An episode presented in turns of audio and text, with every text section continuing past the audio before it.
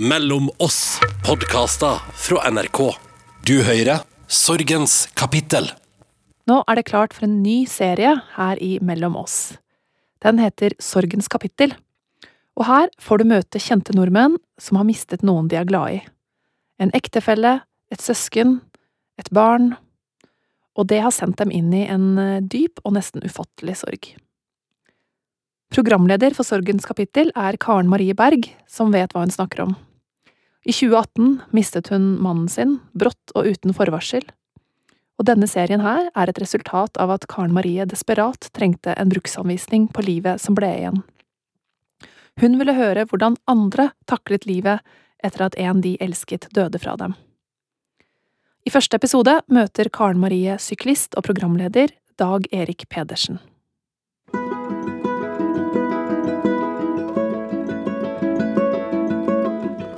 I slutten av juli 2018 så ble livet mitt forandra fullstendig. Jeg husker at denne dagen var helt nydelig å våkne til. Alle var fornøyd, sola skinte, og vi så ingen skyer på himmelen denne dagen her. Men før kvelden var omme, så var jeg blitt enke. Mannen min døde denne dagen, og ungene våre hadde mista pappaen sin. Å oppleve sorg er veldig vanskelig å forklare. Men eh, det nærmeste jeg kan komme, er at det er som et jordskjelv du tror aldri tar slutt. Men så, litt etter litt, så blir de her etterdønningene roligere, og vi finner tilbake til det nye livet på et vis. Det går jo aldri over, men vi lærer oss å leve med det.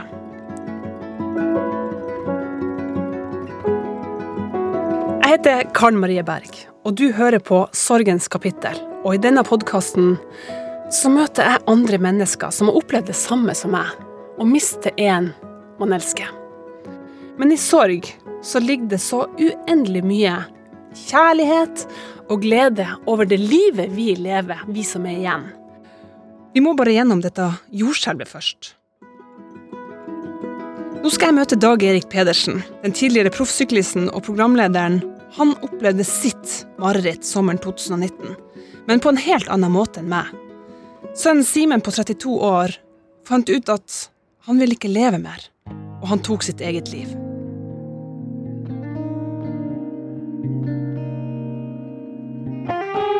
Han fikk ikke kreft. Han kjørte seg ikke i hjel. Han ble ikke tatt av dage. Han valgte å forlate oss fordi han orka ikke mer. Og det handler etter hvert om å respektere det valget. I mange år har Dag Erik kjempa i motbakka som proffsyklist i Italia. Og det var da han fikk beskjed om å kjempe mot El Diablo. Og kampen mot El Diablo har fulgt Dag Erik siden hans første proffsykkelløp på starten av 80-tallet.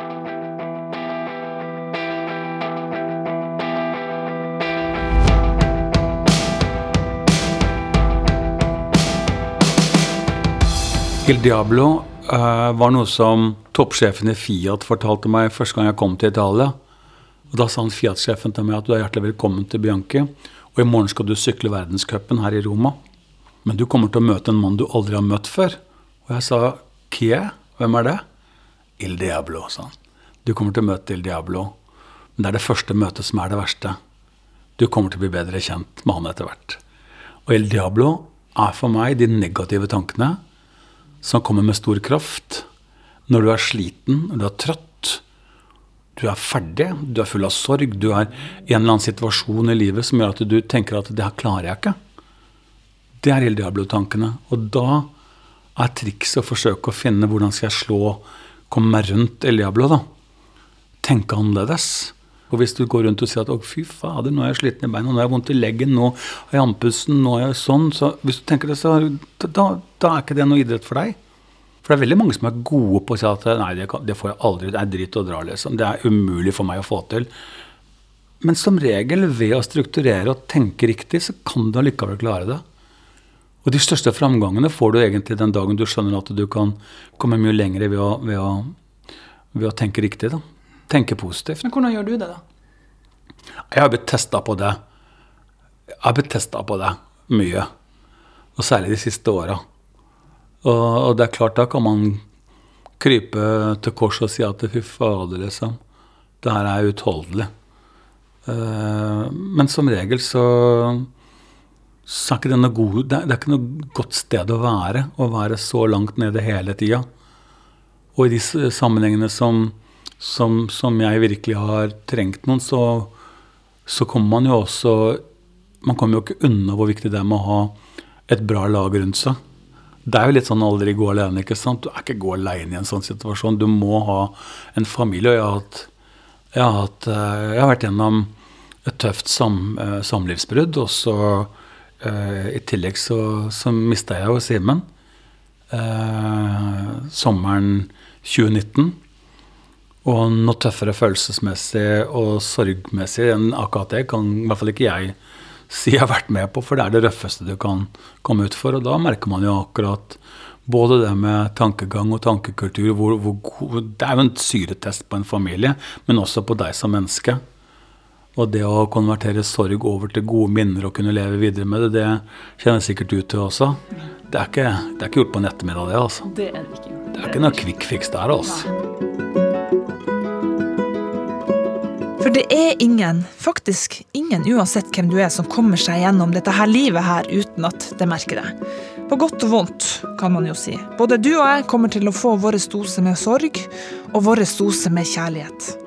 Og det eneste som er sikkert, er at det kommer i en eller annen form.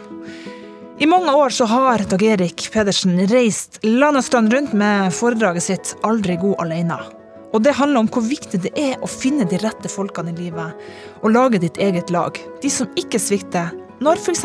El Diablo blir litt for krevende.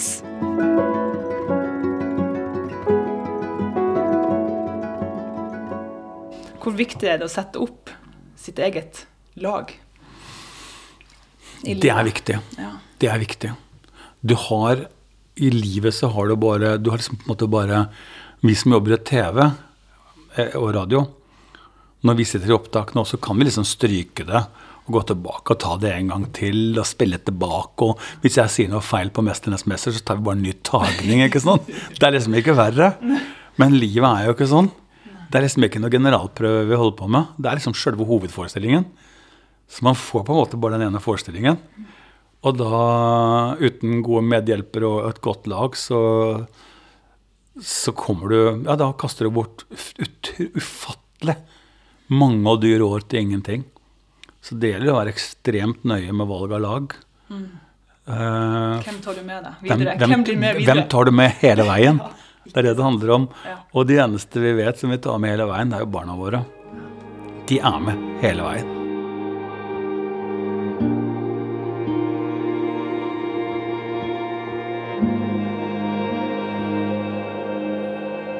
Simen han er jo en del av livets lag. Mm. Han er jo sønnen din.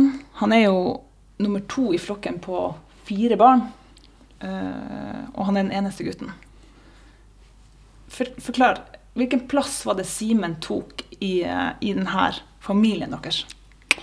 Nei, Simen uh, Simen tok jo den plassen som var naturlig for han å ta, all den tid han var den eneste gutten. Det var på en måte meg og, meg og han mot jentene. For det var jo det var fire jenter og Simen og meg. Så vi var gutta. Så Men Simen var jo en veldig flink storebror for eh, Selma og Sunniva. Og så var han en god lillebror for Andrea. Så det var liksom plassen til Simen. Uh, han var en, eh, en fantastisk fyr som jeg gjerne skulle blitt enda bedre kjent med. Han, var så, han kunne så mye om absolutt alt. Han spilte fotball da han var ung, og han leste Harry Potter på engelsk da han var tolv år. og Han var begava unge. Eh, veldig oppegående. Tenkte du at åh, det blir noe stort av han her en gang?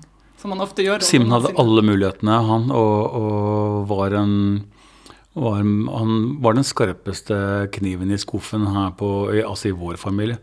Holdt jeg på å si her på Sønsberget i helga som vi sitter nå. ja, Ja. akkurat nå så kan vi se Ja, ja, ja, ja. ja. sjøen her, da. Så Det er Mhm. her Simen er vokst opp. Ja, her er Simen vokst opp. Så her var, eh, dette her var Simens arena. Men hvordan, eh, hvor var det dere to fant hverandre som far og sønn? Ja, Vi fant hverandre som far og sønn, sånn som jeg mener far og sønn skal finne hverandre. I starten så er det jo et sånn kall det veldig mer sånn definert far-sønn-forhold. Man følger, eh, man følger barna til skolen, man følger dem på, henter dem på SFO, man liksom er med på eh, fotballtrening, ser på fotballkamp, sånn som foreldre skal gjøre, da. Jeg hadde kjempeflinke foreldre hos, på min side som støtta meg i alt. Og jeg forsøkte jo alltid, enten det var Simen Andrea eller Sunniva Selma, å følge opp så godt jeg kunne, for jeg syns det er veldig viktig. Men etter hvert så, så, blir man jo eldre, ikke sant, og da, da går det forholdet mer over til å bli eh, Ok, én ting er Simen sa alltid pappa. Og det er veldig hyggelig. Men jeg følte veldig ofte at vi var kompiser. For det var liksom Etter hvert som han ja, ble eldre. Ikke sant, etter hvert som han ble eldre. Og når han liksom kom og spurte om å låne bilen og sånn, og for han hadde litt finner i bilen, han, og litt sånn, så tenkte jeg ja, fy fader, sånn var jeg også. Ja, også synes det var, jeg, jeg også syntes det var kult å låne bil til pappa min. Det var litt finner enn den der Peugeot 104 som jeg hadde. Men kjente du deg igjen Ja, ja, ja, ja, er du gæren. Og musikalsk så møtte vi hverandre, for uh, de ungene mine, skjønner du, de har jo ikke hatt noe særlig valg, for de har jo Alle er jo det var ikke bestandig pappaen han skulle legge barna sine og skulle synge nattasang, sang 'Kjære Gud, jeg har det godt'. Det var mer Hey Jude og Yellow Submarine og sånt. Så, ja, ja. Så jeg har vært Beatles-fan hele mitt liv. Så det liksom Det fikk jo alle ungene indoktrinert av pappaen sin. Så det, vi hadde jo Beatles, og Simen kunne jo alle tekstene og kunne være med på hvilken som helst quiz. Og, så det med musikk. Og så ble jeg selvfølgelig Liverpool-fan fotball, da. Og så har jeg også vært veldig sånn Formel 1-fantast og fulgt Ferrari i alle år. Ikke sånn er man fra Italia, som jeg er, liksom. I anførselstegn. Så, så må du jo følge Ferrari. Og Simen var jo ihuga Formel 1-fan.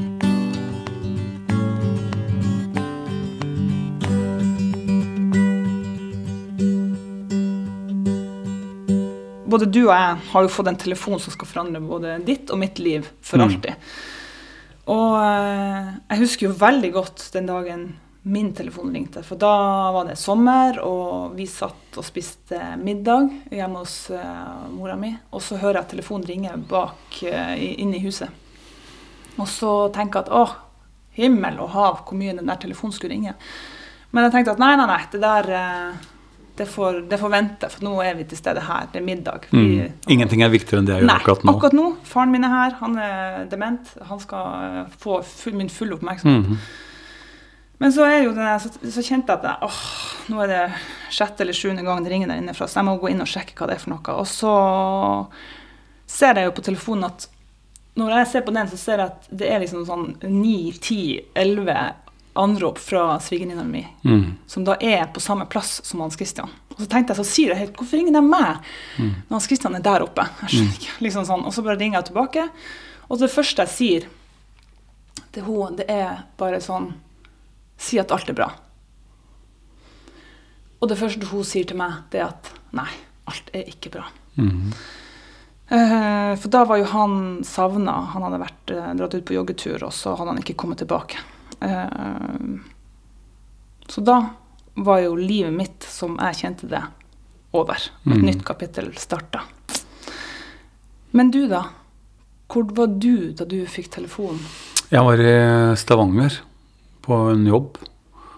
Og øh, jeg våkna på morgenen kanskje klokka kvart på seks, ti på seks. Og for jeg hadde den telefonen på lydløs, men jeg tror jeg hadde på Jeg må ha hatt på noe vibrering, for jeg hørte liksom at det romsterte på nattbordet. Og så så jeg at det var Hilde, da, eh, mammaen til Semen, min tidligere kone, som ringte. Og da reiste jeg meg kjapt opp i senga, altså. Hun ringer ikke meg kvart på seks om morgenen. Så så jeg også at han hadde ringt flere ganger på natta. Og så sier jeg 'hei, Hilde'. Så sa jeg bare rett og slett eh, 'Dag, vi har mista Simen'. Og det, det er beskjeden fra helvete, altså. Da, da visste jeg at han hadde tatt livet sitt. Du skjønte det med en gang. Ja. Hva det var som gjorde at du skjønte det? Altså den, for Man får jo sjokk. eh, Det er jo ikke sikkert man forstår, men du forsto det med en gang. Hva, Ja, jeg skjønte når vi mista han, så vi mista han. Det er ikke det at eh, han har dratt et sted, liksom. Jo, han har kanskje det òg, men vi får aldri se ham igjen. Så det var eh, Det er akkurat som bånd, bunnen, faller ut av livet.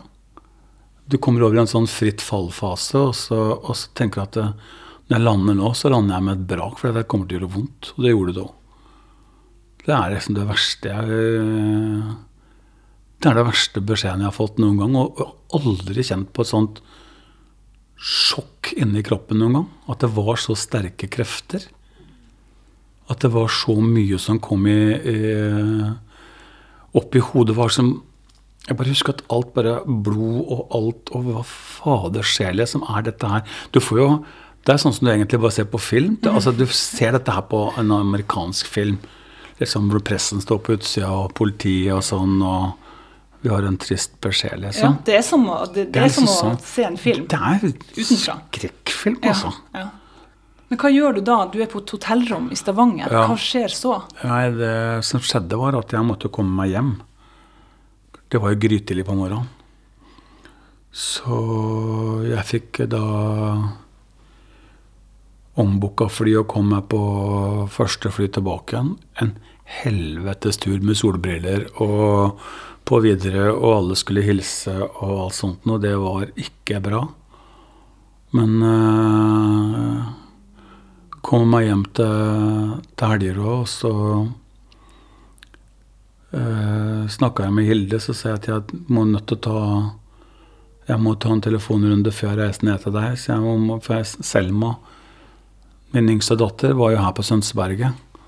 Så når jeg kom hjem, så får du jo en runde umiddelbart med å varsle. For jeg, jeg, jeg klarte ikke, og jeg følte ikke det var rettferdig overfor søstrene til Simen at jeg følte at de måtte ha beskjeden lik vi vi måtte starte samtidig.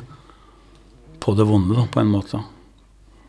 Og det gjorde vi, og det var jo Det var jo ikke noe moro. Så si fra og ringe rundt og vekke Selma her, og, og vi reiste ned. Og søstera til Simen Andrea jobba jo oppe i Porsgrunn, Skien, så vi hadde en biltur. Så Hilde og jeg og Selma kjørte opp dit og reiste til det stedet Andrea jobba, da. Fikk sagt fra til henne også. Så det ble jo en veldig Det ble en ekstremt tung dag. Og Sunniva var på ferie på Mallorca, så jeg måtte ringe henne. Og så måtte jeg sånn si fra at eh, Jeg måtte si fra til Atle, broren min, og de nærmeste som jeg følte jeg måtte si fra til. Så gjorde vi egentlig noe veldig fint, for akkurat ute på plassen bak deg nå, Karl Marie, så er det jo vanligvis masse møbler og sommersalonger og sånn, så da samla vi hele gjengen her oppe. Da kom alle innom i løpet av ettermiddagen. Og da satt vi her, eh, tipper jeg, ja alle Da var vi kanskje 20, noen og 20 stykker. Og spilte mm, man bare sier, musikk og snakka og gråt og lo om hverandre og Livets lag. livets lag, ja. Noen reiste bort og kjøpte reker og liksom satt her og forsøkte å bearbeide det som, som var av inntrykk. Da. For det var jo emosjonelt utrolig tøft.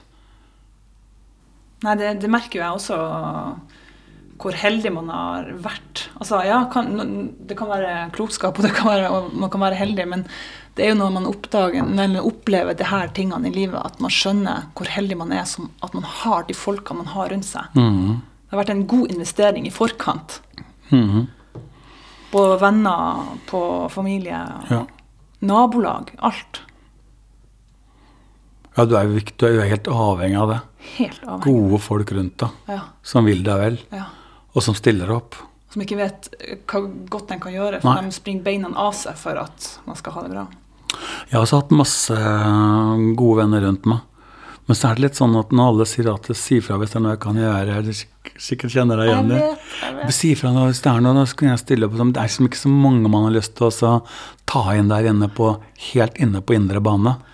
Så det har egentlig holdt veldig for mitt vedkommende med, med jentene mine.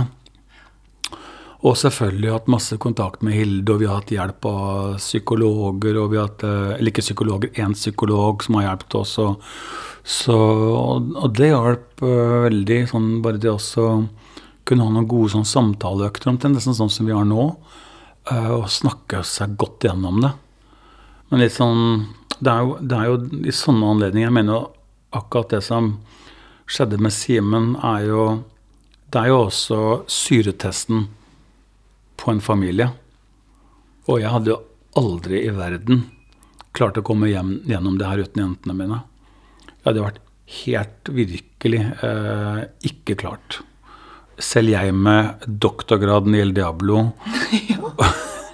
sort belte i El Diablo og positive tanker, så, så Motbakkemesteren. Ja, motbakkemesteren, ikke sant. Selv jeg hadde ikke klart det uten dem, altså. Så det er eh, det er liksom Det er aldri gå alene ennå en gang, da.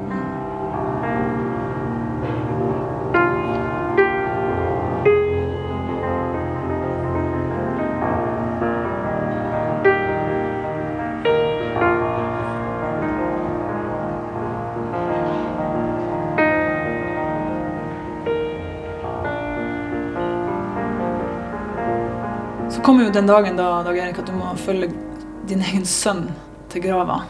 Det var en veldig fin dag. Vi hadde bestemt oss for å lage en lukka seremoni for Simen.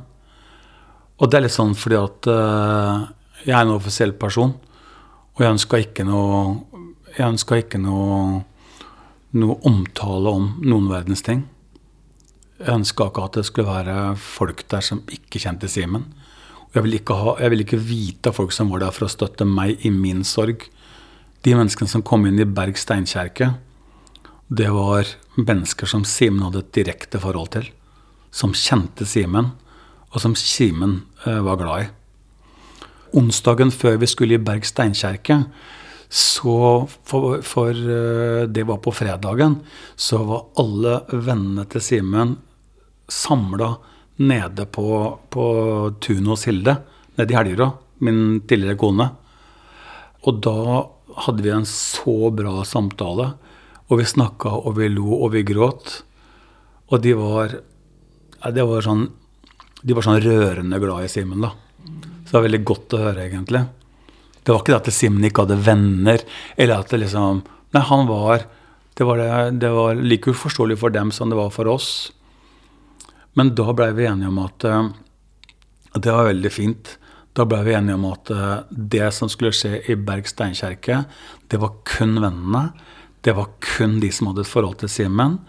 Og det skulle på en måte ikke være en trist seremoni. Det skulle være på Simens premisser. Og de som var Liverpool-fan, de fikk i vær så god å komme i trøya. Og her skulle det være Vi skulle kle oss som om vi skulle på en sommerfest. Men Simen kunne dessverre ikke komme. Mulig han kom litt seinere, men i hvert fall så kunne han ikke komme på det som skulle skje i kjerka. Så det var på en måte utgangspunktet.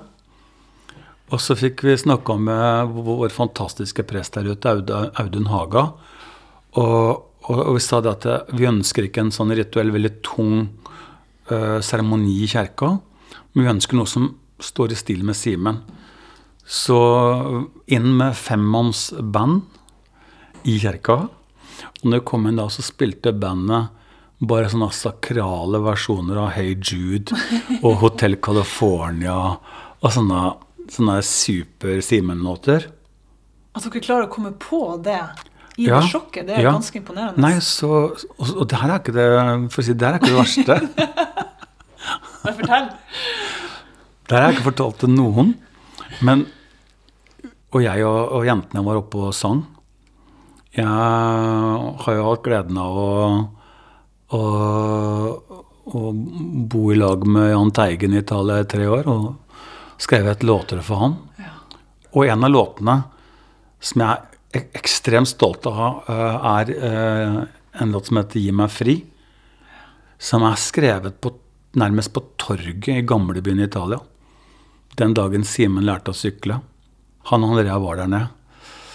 Og øh, den ettermiddagen som han hadde lært å sykle på Pratoen, altså på plassen foran der vi bodde, Jan og jeg, da, en sånn gressmatte, fin sånn grasslette, så så stolt da. Og så dro vi i gamlebyen og spiste pizza på kvelden oppe på min restaurant. Restaurante Såle i gamlebyen i Bergamo. Og da var selvfølgelig Simen og Andrea og Jan og jeg. Vi var med, liksom. Og når vi hadde spist, så fikk de liksom litt penger til å stikke bort og kjøpe gelato. Det er jo is på italiensk. Så sånn, og litt godt og sånn. Så satt vi der, og så sa jeg, at, eh, sa jeg til Jan at uh, nå burde du egentlig skrive en låt om det å være i Italia. Det å komme seg bort, det å komme litt opp i liksom Se litt på horisonten istedenfor bare å sitte nede og, og grave seg ned i elendighet. For Teigen var inne i en røff periode i livet sitt. Virkelig. Og da var det den derre teksten kom, da, med Gi meg fri. Gi meg fri, ja, men jeg sitter og ser på livet. Jeg sitter og ser på meg selv. Jeg har min egen verden, og der føler jeg meg vel. Ja. Og selv om jeg er alene, og så mennesket går forbi, er jeg med å farge byens eget gatemaleri. Så det kom der. Og det italienske verset og sånn. Og det var det jentene jeg sang i kjerka. Vi sang den sangen for Simen. Mm. Og når, du med, si, med fasit i hånd, når du vet hva som har skjedd, og hvis du hører på teksten av 'Gi meg fri', så er det sånn om den teksten er skrevet for Simen. Det er et vers inni der som er på italiensk. Jeg tror aldri jeg har skrevet noe så raskt noen gang. Det er syngeste av, uh, av Teigen. Uh, Sto guardando verso il cielo. Og det betyr Jeg står og titter opp mot himmelen. Sperando di nel blu. Idet jeg håper å se deg et eller annet sted der oppe i det blå. Og så er det neste setning her Ora tu mi stai lasciando. Du er i ferd med å forlate meg nå. Nessuno sa come. Ingen vet hvordan jeg har det. Il nostro mondo è diverso. Vår verden er nå forskjellig. Ora tu non ci sei. Du fins jo ikke lenger. Io mi trovo da solo. Jeg er her nede helt aleine. Devo i min blod. Jeg må kle meg i blått for å være en del av deg der oppe i det blå. Det skrev jeg eh, april 1992. Den dagen Simen lærte å sykle. Altså Det sang jeg i kirka sammen med jentene. Men da begynner jeg å lure på om det finnes virkelig noe mer mellom himmel og jord enn det vi Ja, klarer. nei, ikke sant? Og den teksten der også, underveis der med Du kan drømme, fantasere, du kan finne på mye rart. Jeg synes han Ja. Simen var jo Han var ekstremt skarp og utrolig eh, Han var en veldig sånn lærd fyr. Han kunne mye om alt. Han kunne irriterende mye om alt. Mye mer enn det jeg kunne. Så det var eh, Om han også var liksom veldig sånn fascinert av sånn litt sånn konspirasjonsteorier. Og, og det tankespinnet han fikk etter hvert, tror jeg var det som ble tunga på vektskåla til slutt. At jeg ikke orka mer, på en måte. Det må ha vært noe sånt.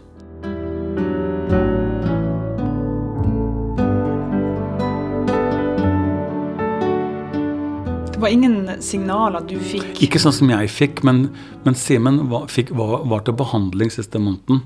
Så han fikk behandling for, for, eh, for eh, alt det trøbbelet han var i. Så han var innom psykologer og alt, og var borte en periode og, og til behandling. Så det, det virka som det ga resultater, da. Og han fikk jo psykologhjelp som, som vi skaffa oppå det igjen, liksom. Så, så vi følte at rammeverket rundt Simen var bedre enn noen gang, og at han var mye mer rusta enn han hadde vært på lenge. Men Hadde du noen gang vært redd for at, han, at det skulle ende, ende med dette, at han tok livet sitt? Slo den tanken deg noen gang? Um, ikke at han skulle ta livet sitt, men han, han Jeg skjønte et år før det igjen, sommeren året før, at han, at han hadde behov for hjelp. Det skjønte jeg.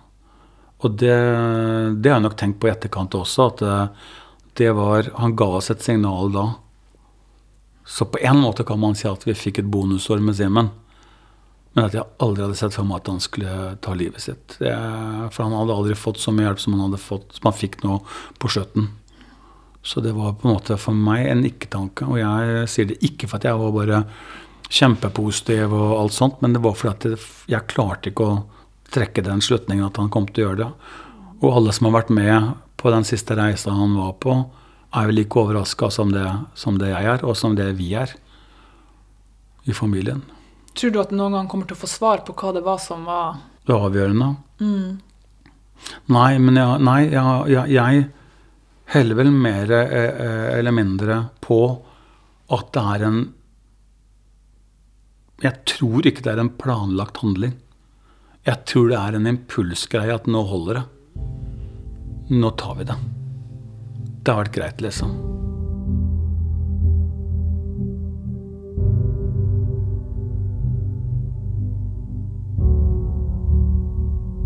Hvordan er det for deg, da, å sitte her i dag uten Simen? Jeg savner jo å ha Simen hver dag. Ehm, eh, det går jo ikke en eneste dag jeg ikke tenker masse på Simen. Men eh, tid er jo et poeng her. At tiden den, den, Det er jo litt leging i tid. Altså på en måte. Jeg er så enig. Jeg tenker det er den beste medisinen. Ja, tid.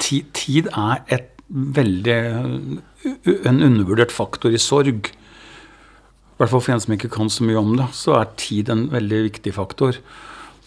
Og det er jo, Jeg vet ikke åssen det var for deg, men for meg så var det sånn at eh, i starten så er sorgen så den er så forferdelig at det finnes det En uke hjelper ikke, en uke hjelper en, en Men nå som det har gått over et år, så kan jeg si at det, sorgen går jo fra å være hadde nær sagt eh, skarpe kniver i hjertet, til å bli en sorg man på en måte kan leve med. da. For man kan kanskje huske de gode tingene og de fine minnene. og liksom, Selv om du aldri får se det mennesket igjen som du elsker overalt på jord, så, så tar du med deg det gode. Og sånn er det litt sånn med Simen nå, føler jeg. At eh, jeg er fortsatt ikke sånn veldig glad å se uh, på bilder av Simen. For det syns jeg er litt sårt. Det, det setter meg så utrolig tilbake i tid og inn i Jeg kan gå inn i det rommet til Simen nå, liksom. Så, Du har ikke masse bilder oppe av han? Eller? Nei, jeg har ikke bilder oppe av Simen, men jeg kan vise deg etterpå. Jeg har et treningsrom nede hvor, hvor det siste bildet jeg tok av Simen, eh, er et ganske stort bilde som var på et sånt staffeli i kjerka. Eh, og det bildet står nede på treningsrommet nå. Og det er et bilde som jeg lot stå der med vilje, for at jeg, jeg syns det er så trist å se på det bildet. Men samtidig så visste jeg at eh, det bildet, det må jeg kunne klare å se på. Så Men det bildet har du tatt sjøl? jeg har tatt det sjøl. Bildet er tatt nede, på, på, nede hos på Helgerud Marina. Verdens fineste sted. Og der var Simen og jeg spiste lunsj i fjor våres. Så jeg husker jeg kom fra Larvik, og så ringte Simen og lurte på hva jeg skulle spise. Så jeg bare, du skal der, sånn, og så bestilte vi likt, liksom. Sikkert hamburger eller en pizza med skjenke, for det var det Simen likte over alt al- al- liksom. Så, og så, mens vi satt der, så var det sånn vær sånn, og litt sånn overskya, og litt sånn skal det regne, skal det bli sol, og nå blir det overskya igjen. Og så plutselig, så, når vi satt der og, og prata og hadde en veldig hyggelig formiddag, han og jeg, så kom sola fram fra, fra skyene. Og så fikk se meg akkurat som han fikk en sånn spotlight på seg. Så liksom, fy faen, den rockestjerna liksom, satt der med, med sånn kul lue og runde briller. Runde, han, han var jo selvfølgelig John Lennon-fan. Med runde briller, solbriller, Ray-Ban, liksom. Så tenkte jeg, fader, du ser ut som en stjerne, liksom. Så jeg må ta opp, jeg må ta opp eh, jeg får bare ta et bilde av det. Så det sitter jo helt sånn råtass, det bildet her, liksom. Og så, og så, og så, og så kikka han sånn halvveis på meg, og så tok han bildet. var litt sånn, litt sånn Hva mener du, liksom? Skal jeg se sånn ut? Og så tok jeg et bilde og sa nei, nei, nei, det er ikke sånn. Du må se opp på sola. Du må se mot spotlighten. Så han smiler sånn der, sånn der ordentlig sånn Simen-glis. Uh, og det er et fantastisk bilde. Og det, det var det som ble stående i kjerka. da. Og det er like før du dør? ja, det, er bare, ja, det er ikke lenge igjen. Det er noen uker. Men det bildet står på treningsrommet. Og det var, min, det var på en måte min Il Diablo også. Å kunne gå inn på det rommet uten å grue meg. Komme inn der, se på det bildet. Så tar jeg opp til, tar jeg opp til, to fingre, en finger opp til leppene, kysser, og så tar jeg på det bildet. liksom. Og det er sånn ritual jeg har hatt eh, etter at jeg kom til det punktet. Altså kanskje vart et års tid. Og det har hjulpet meg en del, altså, men ikke nok. Men, men selvfølgelig, det har vært litt sånn Det har vært litt sånn El Diablo-trening, da.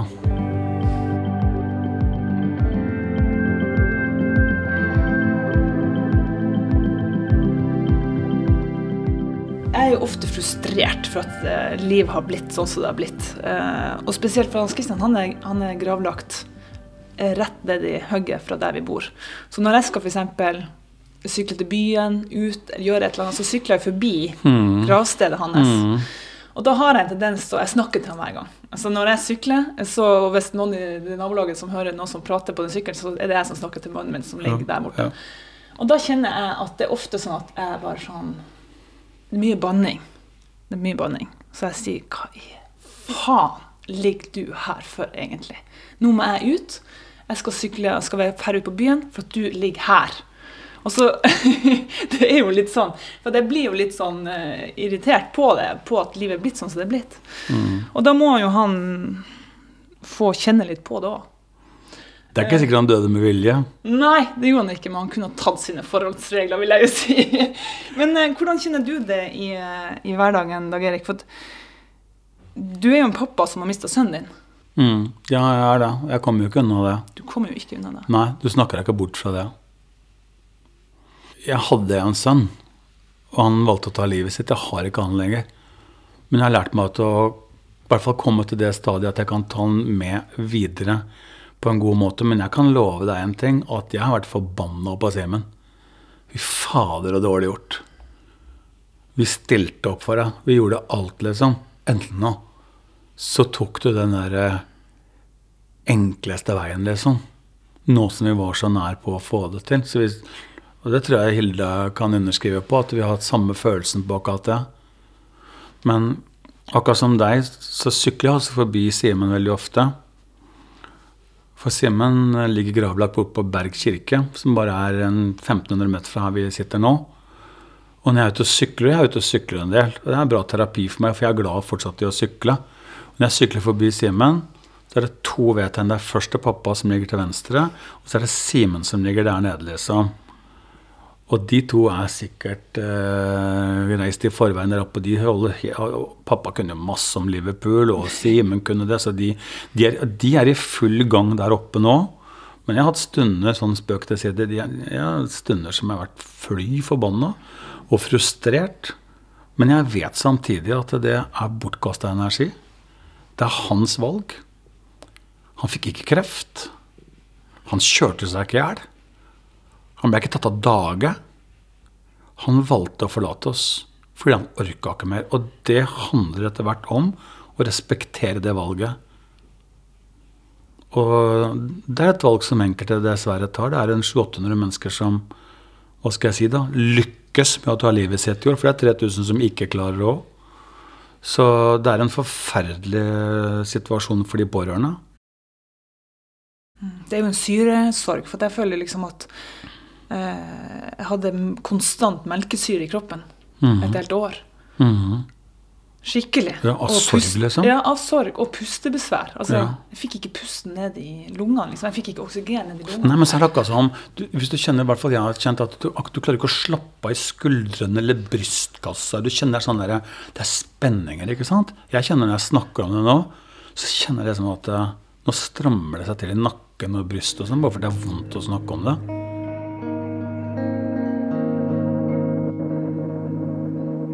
Når du sykler forbi den kirkegården, tenker du at det her er rett og slett for mye å takle for en pappa? Har det vært dager der du tenker det her orker jeg ikke? Nei. Nei, det har det ikke. For at uh, vi kom sammen fram til, enten og jeg, at uh, Simens Hvis jeg tenker at Simen kunne snakke, da, så ønsker ikke han at han ønsker ikke å, å påføre oss noe vondt. Han bare orka ikke mer. Han kasta inn håndkleet, rett og slett. Uh, og vi andre, vi velger livet. Vi uh, skal stå i det. Vi skal, vi skal være med på denne reisa her. For vi syns det er fint her nede. Og så vil vi bare ta med oss det gode fra Simen så lenge vi klarer, og så ofte vi klarer. Så jeg er ikke sånn fyr som Eller jeg er ikke sånn type pappa som, som drar på, på kjerkegården annenhver dag, altså. Da- Simen har en fantastisk fin grav, og den er så det er, Eh, han hadde vært stolt av den, hadde sett den, eller han får den sikkert med seg for den saks skyld. Men, men jeg må ikke bort der for å minnes Simen. Jeg har det bildet på treningsrommet, og jeg har de beste bildene mine i hodet. Og så får man jo velge å tro, eller tenke at det, ok, det er sikkert noe mer, som du sa i stad, litt sånn mer mellom himmel og jord enn akkurat bare ord. Det kan jo være at det er en mening med ting. Så jeg velger å tro at uh, når det er liksom regnbuer og når det ene stjerna skinner mer enn det andre, så skjønner jeg at liksom Nå er han i gang, liksom. ja, det, akkurat det, det, kjenner jeg også på. Vi har jo en regnbue som alltid følger oss. Uh, og jeg tenkte sånn OK, fint. Fint at du viser ja, det. Ja, ja, ja. ja, det er veldig bra.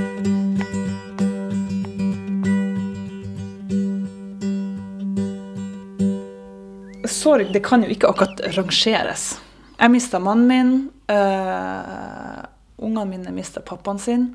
Og, og, det her har jo vært veldig Det har jo vært altoppslukende for meg. Men jeg har nye muligheter sånn sett, hvis man kan se sånn kynisk på det. Mm. Men du, du mister barnet ditt. Uh, jeg har tenkt veldig mye på det. Uh, man kan kanskje rangere litt likevel? Ja, for jeg tenkte på det når jeg skulle møte deg og, og du til slutt overtalte meg til å gjøre et forsøk på å snakke om ting jeg egentlig ikke er så innmari glad å snakke om. For det er så utrolig privat, og det er så, men så er det det med at det, kanskje det er godt for noen å høre på det, hvordan man kan jobbe med sorg, hvordan man kan komme seg videre, og, og kanskje vi kan gi noen bilder til andre og noen andre måter å tenke på. Så jeg tenkte litt på det du sa med, med det å gradere sorg. For jeg også tenkte på det før jeg møtte deg, at eh, du mista mannen din. Hjertet hans stoppa, han fikk hjertestans. Mens min sønn valgte å ta livet sitt. Men så var jeg liksom litt sånn i stuss med meg så kan man virkelig gradere sorg? Er ikke, er ikke død og tap likt? Men jeg vet ikke. Jeg mista pappaen min da jeg var 40 år. Da ble jeg, Pappa var 30 år eldre enn meg, så han ble 70 år og døde med skoa på, liksom nede i Helgerå, like under her vi sitter nå. Og jeg forsøkte å få liv i pappa, og mamma ringte, og han lå i TV-stua og, og klarte ikke det. Men det var lettere å forsone seg med. For han hadde levd i 70 år og hatt et fantastisk liv. Han hadde aldri vært syk. Han var liksom Han var eh, Det var helt utenkelig. Han kunne liksom ikke dø.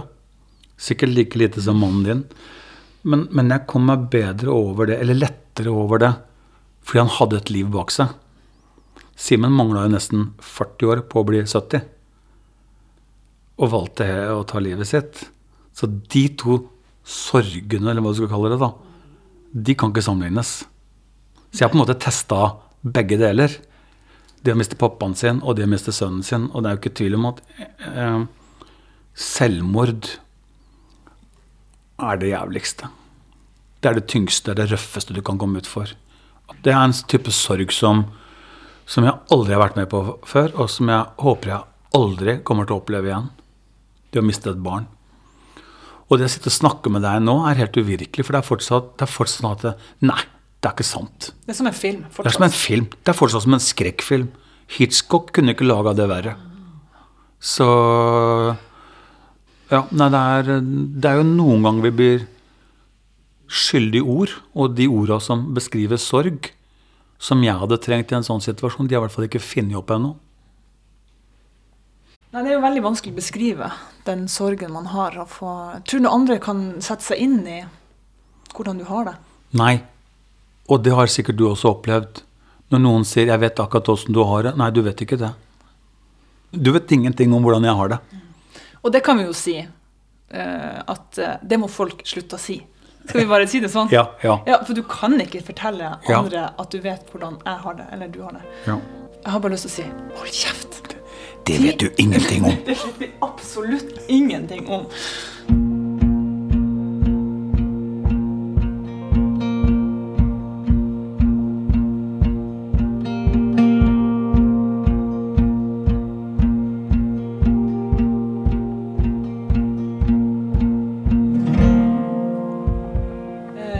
Hans Christian døde, jeg kunne ikke gjøre noe med det. Virkelig ikke. Jeg var for, for det første ikke i, i samme fylke som han engang. Og for det andre så føler jeg at jeg har gjort så mye og snakka så mye til han at han må være forsiktig og må passe på og spise riktig, og du må drikke vann, og du må spise regelmessig, og du må passe på hjertet ditt. og Jeg, var- jeg var sånn helt sånn sprø på det, liksom at, for jeg var redd for at han skulle dø fra meg.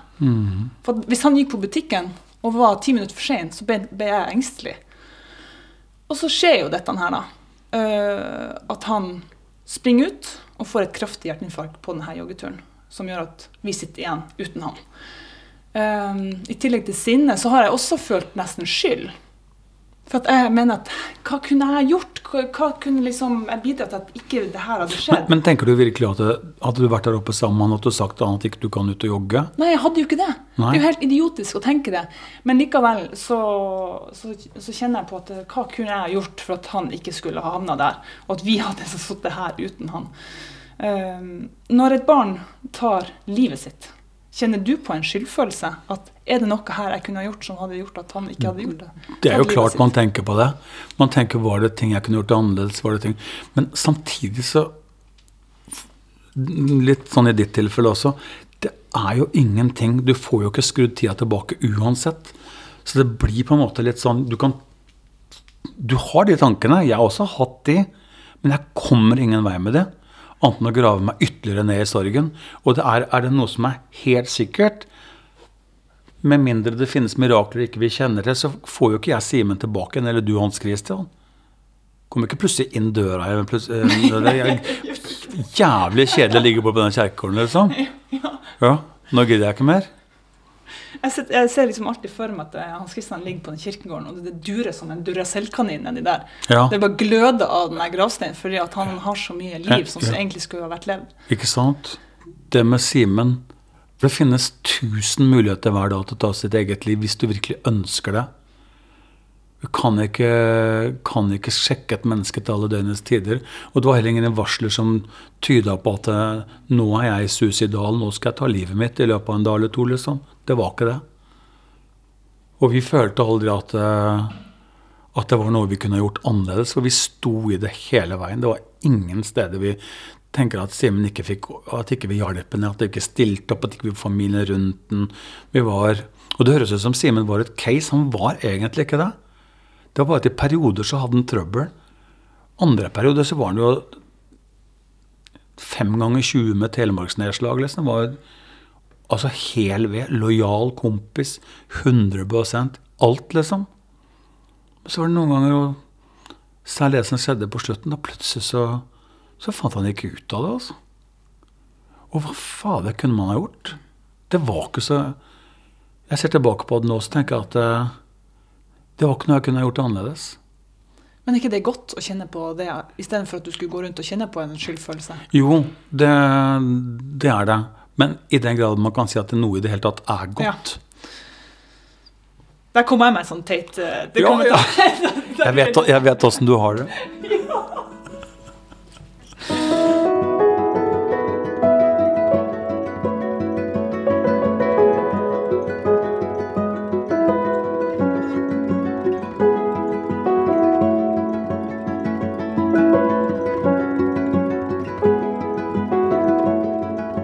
Dag Erik, du sier jo det at livet må jo videre. Og det syns jeg vi skylder dem, våre kjære som har gått bort. Fordi at eh, vi skylder dem å leve, for de har ikke fått lov til å, å gjøre det. Eh, for begge oss så vil det jo alltid være et sår, både i sjel og hjerte. Men hva har redninga di vært? Er det tida? Eller er det Ja, livets si lag? ja, ja, jeg, jeg vil si at min redning i sorgen Sorgarbeidet etter at Simen valgte å forlate oss, har jo vært nummer én av familien og søstrene, jentene, Døtrene dine. døtrene mine. Det har vært det viktigste for meg. Dernest er det jo det at eh, tiden er en viktig faktor som man ikke skal kimse av. For det, jo, det heter jo så vakkert at tiden legger alle sår. Og det er en floskel. Men det stemmer jo til en viss grad at eh, sorgen er annerledes i dag enn det var eh, i slutten av juni i fjor. Uh, det, det, er, det er på en bedre måte. Det er bedre bilder nå. Det er ikke fullt så vondt. Nei. Og nå har det gått et halvannet år. Ja, begynner å nærme seg halvannet år. Det føles jo fortsatt som det var i går, men jeg vet jo at det har gått lang nok tid. Så Jeg reiste jo til og med i fjor høst, ja, og, uten at veldig mange visste det, for det var jo ikke mange som visste at eh, Simen hadde tatt livet sitt. Så da reiste jeg til Kroatia i slutten av august og lagde sesong 11 av 'Mesternes mester'. Og hadde ikke jentene vært med, så hadde jeg selvfølgelig aldri gjort det. Men de blei med og sa det skal vi klare. For Simen digga det. Så vi bare sto opp hver morgen og kjørte V-tegn, og det her blir fint. Og det, aldri, det høres jo helt psycho ut, det jeg sier nå, men jeg hadde jo aldri klart det uten de jentene. Altså dø- døtrene mine. Men hva er det med det samholdet med dem som gjør at det hjelper deg? Nei, altså vi har hatt det innmari mye, mye gøy. Vi var på båtturer, vi bada. Vi, eh, Simen elska jo å bade. Så vi bare tenkte at han, han er ikke her akkurat nå, men vi bare fortsetter å leve. Og det tenkte vi var det beste vi kunne gjøre for Simen. Det var at vi lever alt det vi kan videre. Vi setter fyr på livet. Ja, Vi setter altså vi setter fyr fyr på på livet, og vi lever litt for han også. Og jeg ser på det fortsatt som en stor utfordring å ha et bra liv. Det å leve fullverdig uten å gå rundt med sorg hver dag. Eh, men heller en god måte, da. At du tar med deg de gode minnene og de fine bildene. Jeg går inn på det rommet nede der, så, så er det det fine bildet av Simen, liksom. Og det er sånn jeg skal huske han. Det er sånn han er. Det er fortsatt en El Diablo. Den, den er gjennomgående. Den er det, men den har vært med meg egentlig helt fra jeg kom til Italia og fram til nå. Det har vært en bra reise også fordi at det, det er mulig å komme seg rundt det på en god måte. Og jeg tror det å tenke riktig og positivt jeg, hører, jeg vet det høres helt sånn apostel ut her nå. Ja, jeg vet det, men vi er sånn begge to. Ja, For jeg tror det er sånn det skjer. jeg jeg forsøker liksom bare å forklare det, sikkert folk tror jeg er stein gæren, liksom. Jeg er jo det, men ikke så gæren. men, men det er det at man, man kan på en måte velge å tenke, forsøke å tenke riktig, da. Og, å se det med det positive etter hvert. Altså, ikke skjønner du gæren jeg er, eller? Litt sånn, sånn veldig positivt. med det, det er jo ikke det. Det er helvete på jord. Men, Ja, det det. men man må komme seg videre. Alternativet liksom er jo beksvart. Det er jo som det er jo å legge seg ned, så er det over, da. Nei, for det er jo sånn, Jeg tenker jo også at etter Hans Christian døde, så føler jeg at jeg har fått sånn jeg føler, Folk må jo tro at jeg er blitt religiøs. For at jeg har fått sånn enormt sånn livsbeja... Eh, altså jeg har fått sånn Ja, ja. behov for å leve. Så intenst, selv om jeg, jeg gjør det helt vanlige tingene, akkurat sånn som jeg gjorde før. Men jeg bare setter så enormt pris på alt som er godt i livet. Mm. Jeg bare dyrker alle de gode tingene som Ja, gjør at det. Og det gjør jo at jeg har jo, kan jo ha et godt liv i tillegg til den sorgen. For det, jeg ser jo på mitt liv som to hjul som ruller. Og det ene er lyst. Det er fullt av liv, og det er fullt av glede, og det er unger, og det er rutiner, og det er alt det jeg ønsker i livet. Det er et godt liv med ungene mine. Mm. Og så har du det andre hjulet som er helt bekksvart. Det er full av sorg. Eh, Det er savn eh, og frustrasjon over at jeg ikke har virkelig den mannen jeg, som traff meg så inderlig, og Mm. som jeg hadde tenkt jeg skulle bli sånn relativt gammel med, for at han var jo så mye eldre enn meg, han hadde jo uansett gått foran meg. Men, eh, men altså, den, den mye sinne, og, og jeg er lei meg. Men jeg tenkte at det må jeg bare forsone meg med, at det er sånn livet mitt kommer til å være. De to hjulene kommer til å rulle parallelt. Litt sånn kjip sykkeløre med de to hjula der. Ja, det litt, men altså, jeg, jeg kommer ikke utenom For det ble min historie. Hans Christian, han var mannen min, han døde fra meg. Mm. Eh, og det må jeg leve med resten av mitt liv. Og det handler jo om å finne balansen, da. Mm. Og jeg syns vi har funnet egentlig en god balanse. Ja. For jeg har innfunnet meg med at eh, sånn er det faktisk. Og eh, jeg må ta med meg den sorgen og balansere den på en grei måte, sånn at ikke den tar over. Og det Mm. gjør den heldigvis ikke så veldig mye nå lenger. Det er blitt bedre. Og det er jo igjen tida. Tida er jo veldig god. Men så er det sånn dups innimellom. Eh, der man savner mer. Hvor viktig har barna vært da, for deg? Altså Hadde ikke ungene vært der, så vet ikke jeg hvordan det hadde vært med meg. Det er som meg og døtrene mine. da. Ja. Helt, helt avgjørende. Mm. For i starten så var det jo sånn at man kjente jo på at eh, hva, Er det her noe vits? Mm. Når du er så eh, Du er så sjokka, du er så helt lamma, så er det nesten sånn at man kjenner på at det her er ikke noe vits å være. Eh, Mm. Det her gidder ikke jeg. Jeg orker ikke å gå igjennom den prosessen jeg skal gå gjennom nå. Men så har du ungene der. Du skal opp hver dag, du skal ha dem på skolen, du skal, de skal i barnehagen. Nei, så, og, og vi har jo Åh, det er så godt. Og vi har det så godt i lag at det Åh. Det, jeg, jeg elsker Jeg elsker jo det livet med dem. Mm. Jeg er jo gammel syklist, som du vet, og en gang så ble jeg, jeg skulle åpne en kunstutstilling av alle ting på Lillehammer. Så ble jeg bedt om å definere livet. Er et svært spørsmål, da. Ja. For den kunstutstillingen handla om sykkel. Og da sa jeg at uh, livet er som å sykle. Nyt turen så lenge den varer. Ja. Og det er litt sånn. For en dag så stopper de hjula. Og da skal vi ha nytt det her, den Ja. turen så Ja, inderlig. ja, da skal det være. Altså Den dagen hjula stopper, så vet jo alle som har forsøkt å sykle, at da, da går det ikke å sykle mer. Da faller vi ned.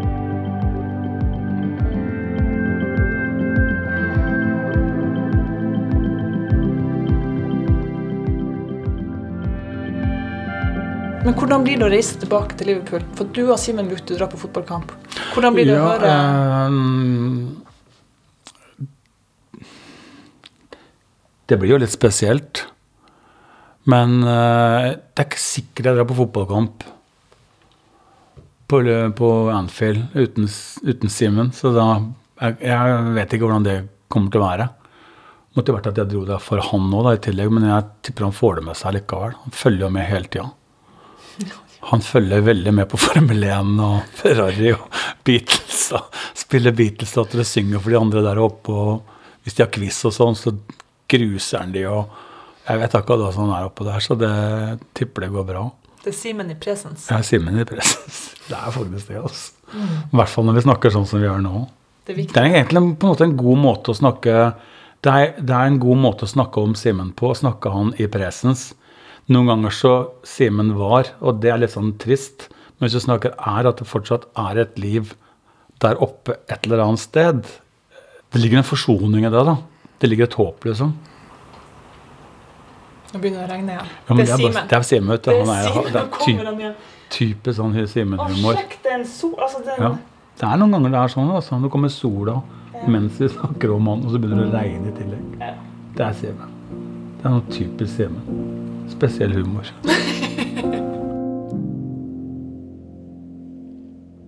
When you walk through a storm, hold your head up high and don't be afraid of the dark. Sorgens kapittel er en serie om å leve videre med sorg, og er laget av Karen Marie Berg. Musikken er lagt på av Silje Martinsen Vettre. I neste episode møter Karen Marie Nina Jensen, marinbiolog og miljøforkjemper, og søstera til Siv. Nina var så heldig at hun fikk oppleve den store kjærligheten, men mista Nikolai til kreft etter bare noen år sammen. Karen Marie og Nina kan dele mye om hvordan det er å miste sin store kjærlighet. Hør episode to av Sorgens kapittel 15. januar her i Mellom oss. Du har hørt en podkast fra NRK. Hør flere podkaster og din NRK-kanal i appen NRK Radio. En podkast fra NRK. Hei, jeg heter Eivind Sæther. Jeg er småbarnsfar og samboer. I Havarikommisjonen skal du få møte par som har gått fra hverandre. Vi ble så slitne at vi begynte å hakke litt på hverandre. Hvem skulle ta oppvaska, hvem lagde mat? Sammen med to psykologer skal jeg prøve å finne ut hvorfor det gikk galt, og hvordan vi kan unngå å havne der selv. Last ned podkasten Mellom oss og hør serien Havarikommisjonen i appen NRK Radio.